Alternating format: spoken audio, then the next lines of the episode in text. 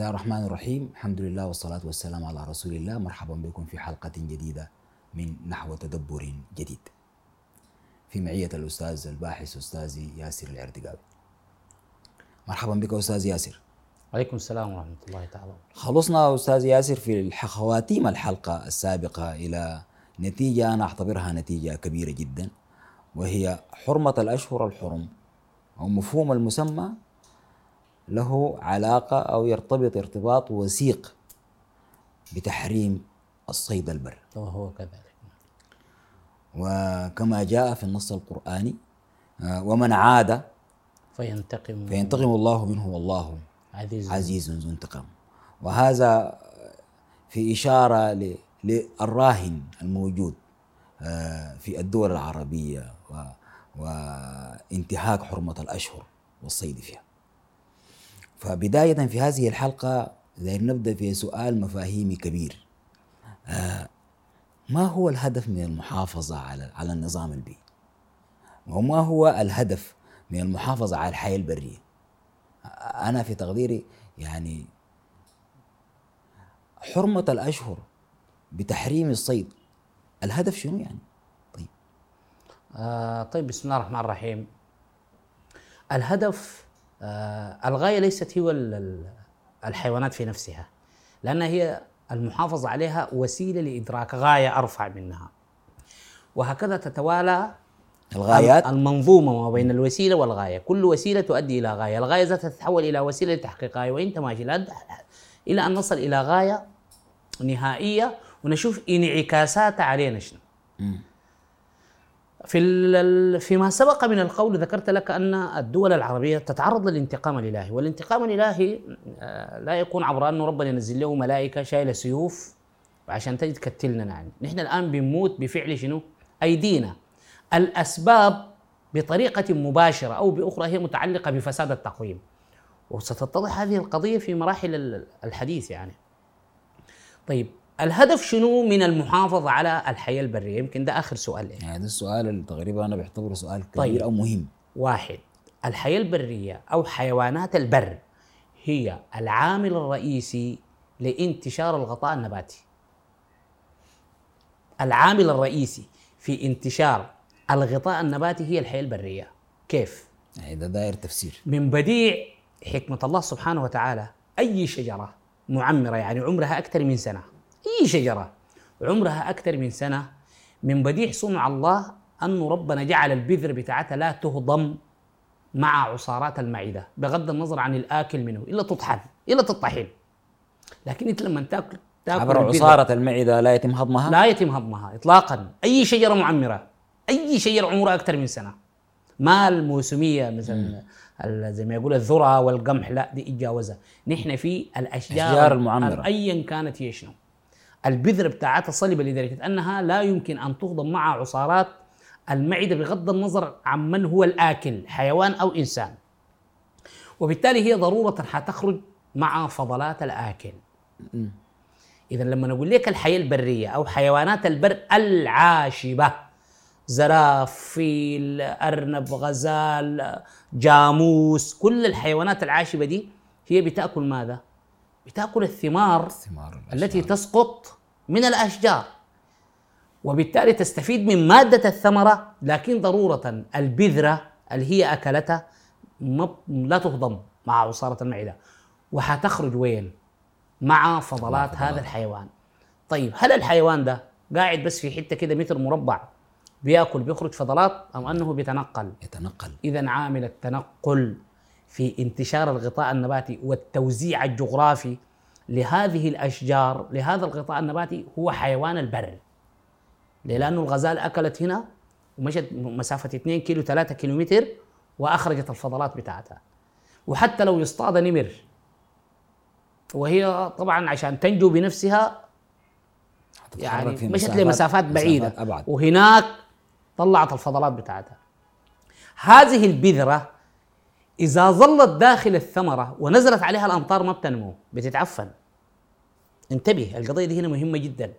الثمرة إذا نزلت وهي داخل البذرة ونزلت عليها الأمطار هي ما لا؟ تتعفن. بتتعفن. لكن لما النبا الحيوان بيأكل هذه البذرة ويهضم يهضم يستفيد من المادة الغذائية للبذرة وتخرج البذرة مع الفضلات شوف سبحان الله أمس الغذاء لبذور النباتات في الطور الأول للنمو هو روث الحيوانات مادة الكربون. دي. صح. نحن عندنا هناك بنسميه الزبالة الزبالة. نسميه الكفان وبنجعله في الزراعة. صح. أمس الغذاء للبذرة في الطور الأول للنمو هو روث الحيوانات. وبالتالي روث الحيوانات ده أول حاجة بيساعد هذه البذرة في النمو إلى أن تقوى وتستمد غذائها المباشر من التربة. إضافة إلى ذلك بيثبت النيتروجين عملية التخصيب والنيتروجين الكربون في الأرض بيتوقف على فضلات هذه الحيوانات. اذا العامل الرئيسي هو صيد البر ال- انتشار الغطاء النباتي. طيب هل الانتشار الغطاء النباتي هو ذاته غاية؟ يعني ربنا بس داري يملى البلد دي غابات. ما بيكون في فايدة. يعني ما أنا كنت حندرك طوال أسألك طيب شنو الفائده من الغطاء النباتي؟ يعني لازم يكون في فائده برضه من الغطاء النباتي. نعم نحن انتقلنا من وسيلة لغاية. لغاية. وحنستخدم الوسيلة ذاتها الغاية نفسها بتاعت الح... الغطاء النباتي حنستخدمها هي وسيلة لغاية أخرى.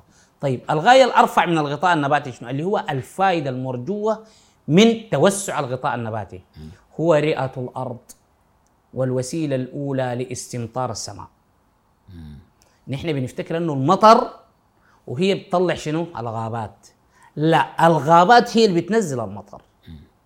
بمعنى أوضح نحن مثلا في الصحراء الكبرى شمال السودان آه، جنوب مصر ليبيا الصحراء الكبرى المعروفة في الوطن العربي. هل في موسم الخريف تنزل فيها مطر؟ قد تكون لا أو قليلة شحيحة قليلة، جدا. شحيحة. بدليل أنه ما فيها غطاء شنو؟ نباتي. نباتي. السؤال وأنا هنا السؤال ده بوجهه لناس الجغرافيا ولناس علوم البيئة. أنا طبعا ما متخصص في المجال ده. أنا بوجه لهم سؤال منطقي جدا. يا جماعة نحن لو نقلنا الغطاء النباتي من خط الاستواء في فصل الشتاء وقمنا نقلناه كل الصحراء الكبرى زرعناه هناك الخريف الجاي المطر بتنزل في نفس مكانه في ال- ال- ال- الاستواء ولا بتنزل في الصحراء في الكبرى؟ الصحراء الكبرى. بتنزل في الصحراء الكبرى ليه؟ لأن الغطاء النباتي الكثيف حيكون هو رئة الأرض هو اللي حيستمطر هو السماء الدفع الاستمطار هو نفس نفس العملية دي هي اللي بتجعل السماء تمطر وبالتالي تنزل شنو؟ الموية. طيب الموية ذاته نحن عطشانين دارين شنو الموية؟ الله سبحانه وتعالى حصر الرزق كله في الماء. صحيح. في أيتين. وجعلنا من الماء كل شيء. كل شيء حي. ما في حياة بدون. ما وأنزل لكم من السماء رزقا. ما في ذهب رزق وما في بترول رزق وما في غاز طبيعي رزق وما في دولار رزق وما في يورو رزق. ما عندهم علاقة بالرزق. إذا فصلتهم عن الماء لو وديتك طن من الذهب وديتك بير بتاعت نفط. واديتك آه، 10 مليون يورو. قلت لك بس ما تجيني للمويه دي. وامسكت عنك الماء. حتستفيد شنو؟ حت... حتعيش نص ساعة. إذا مجمل الرزق ربنا وجعلنا من الماء كل شيء حي. إذا لمجرد أنت عدمت الصيد الحصل شنو؟ الشجرة نزلت الثمار نزلت عليه المطر تعفن ما نبت. الشجرة عندها عمر افتراضي. أكيد طبعا. بعد انتهى العمر الافتراضي الشجرة ما لها خلاص انتهت. ما في بديل. الأولاد بتاعنا هو الشفع بتاع ال- ال- الشجرة دي. النباتات الصغيرة م- ما نبتت عشان تحل محل الأم اللي انقرضت دي. وبالتالي حصل التصحر. حصل التصحر النتيجة شنو؟ توقفت المطر. الامطار توقفت المطر. الحصل شنو؟ هاجر الإنسان بحثا عن الماء إلى مساقط الأنهار. يا توجه الساحل يا مشى يفتش لأن البلد دي هنا خلت من الحياة. تحولت إلى صحراء قاحلة خلت منها الحياة والناس حيتكدسوا وين؟ عند المياه حتجي بعدك بعدك الصراعات والمشاكل. الصراعات والمشاكل والحرب الباردة وال... كله في الموية دي. يعني أسعى الآن لو تلاحظ آه، حتى صد النهضه الآن. ألم يلقي بظلاله على كل التصور والعلاقات ما بين الدول الثلاثة الجيران الثلاثة مصر والسودان وإثيوبيا صد النهضة قام صد النهضة هو الموضوع صد النهضة ولا الموضوع الموية؟ الحرب الراهنة في العالم كلها حرب الماء. مياه حرب مياه حرب حرب مياه الماء. طيب حرب المياه دي المياه 70% من مساحة الكرة الأرضية موية طيب عشان هي تتحول لنا لمياه عذب وتنزل لنا نحن في الحتة اللي نحن دايرينها المفترض نحافظ على الغطاء. النباتي وعشان نحافظ على الغطاء النباتي لازم نحافظ على صيد. من الحياة البرية. وعشان نحافظ على صيد البرد لازم نفعل الأشهر. الحرم وعشان نفعل الأشهر الحرم لازم نثبت. التقويه شفت الحلقة دي ماشية معك كيف؟ أكيد. اذا أنا بقول لك موضوع التقويم هو مشروعي الرئيسي كأخطر موضوع فكري. وأنا شخصيا لو استنفدت حياتي في الدنيا دي وأنجزت الموضوع ده وربنا طول في العمر وشفته أنه تحقق كفاية. والله هو مشروع كبير أستاذ ياسر. وإحنا نتمنى إنه تكون الإطلالة. أنا في مقدمة هذه الحلقات قلت هذه الحلقات ليست محاكم. هي استنطاق لمشروعك الفكري. وصراحة اسف في استرسال واضح. يعني حتى نحن لما بدينا من أهم المشاريع لك على مستوى البحث هو التقويم. بالضبط. فحلقة في حلقة رأينا لا- كيف أن التقويم يؤثر في كل الحياة. بالضبط لأنه هو موضوع متسلسل. ويمكن في إشارة أنا- ما يعني أو أكون قفزت عليها. مسألة المحافظة على أشهر الحرم وفي ضبط التقويم ربنا سماها بالدين القيم. مفهوم. الدين القيم. هذه قضية ثانية أنا تكلمت فيها في الحلقات الفردية. لكن ليه؟ الدين القيم هو شنو؟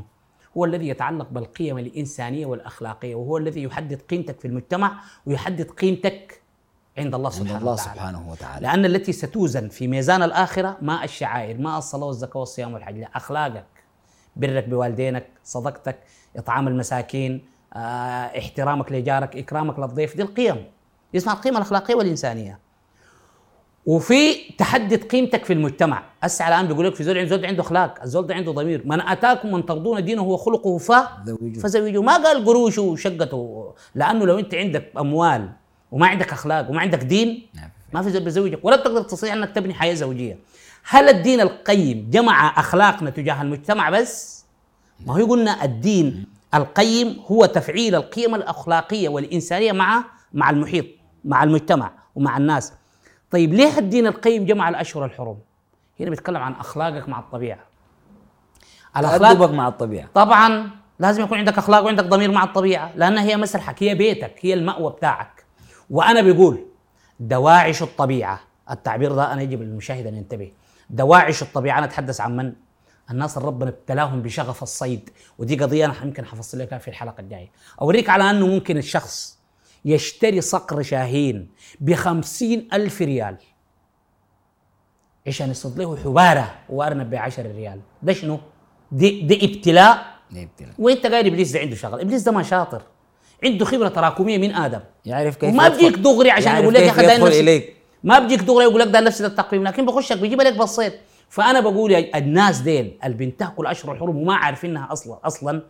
بقول دواعش الطبيعة أشد خطرا على الدين من دواعش المجتمعات.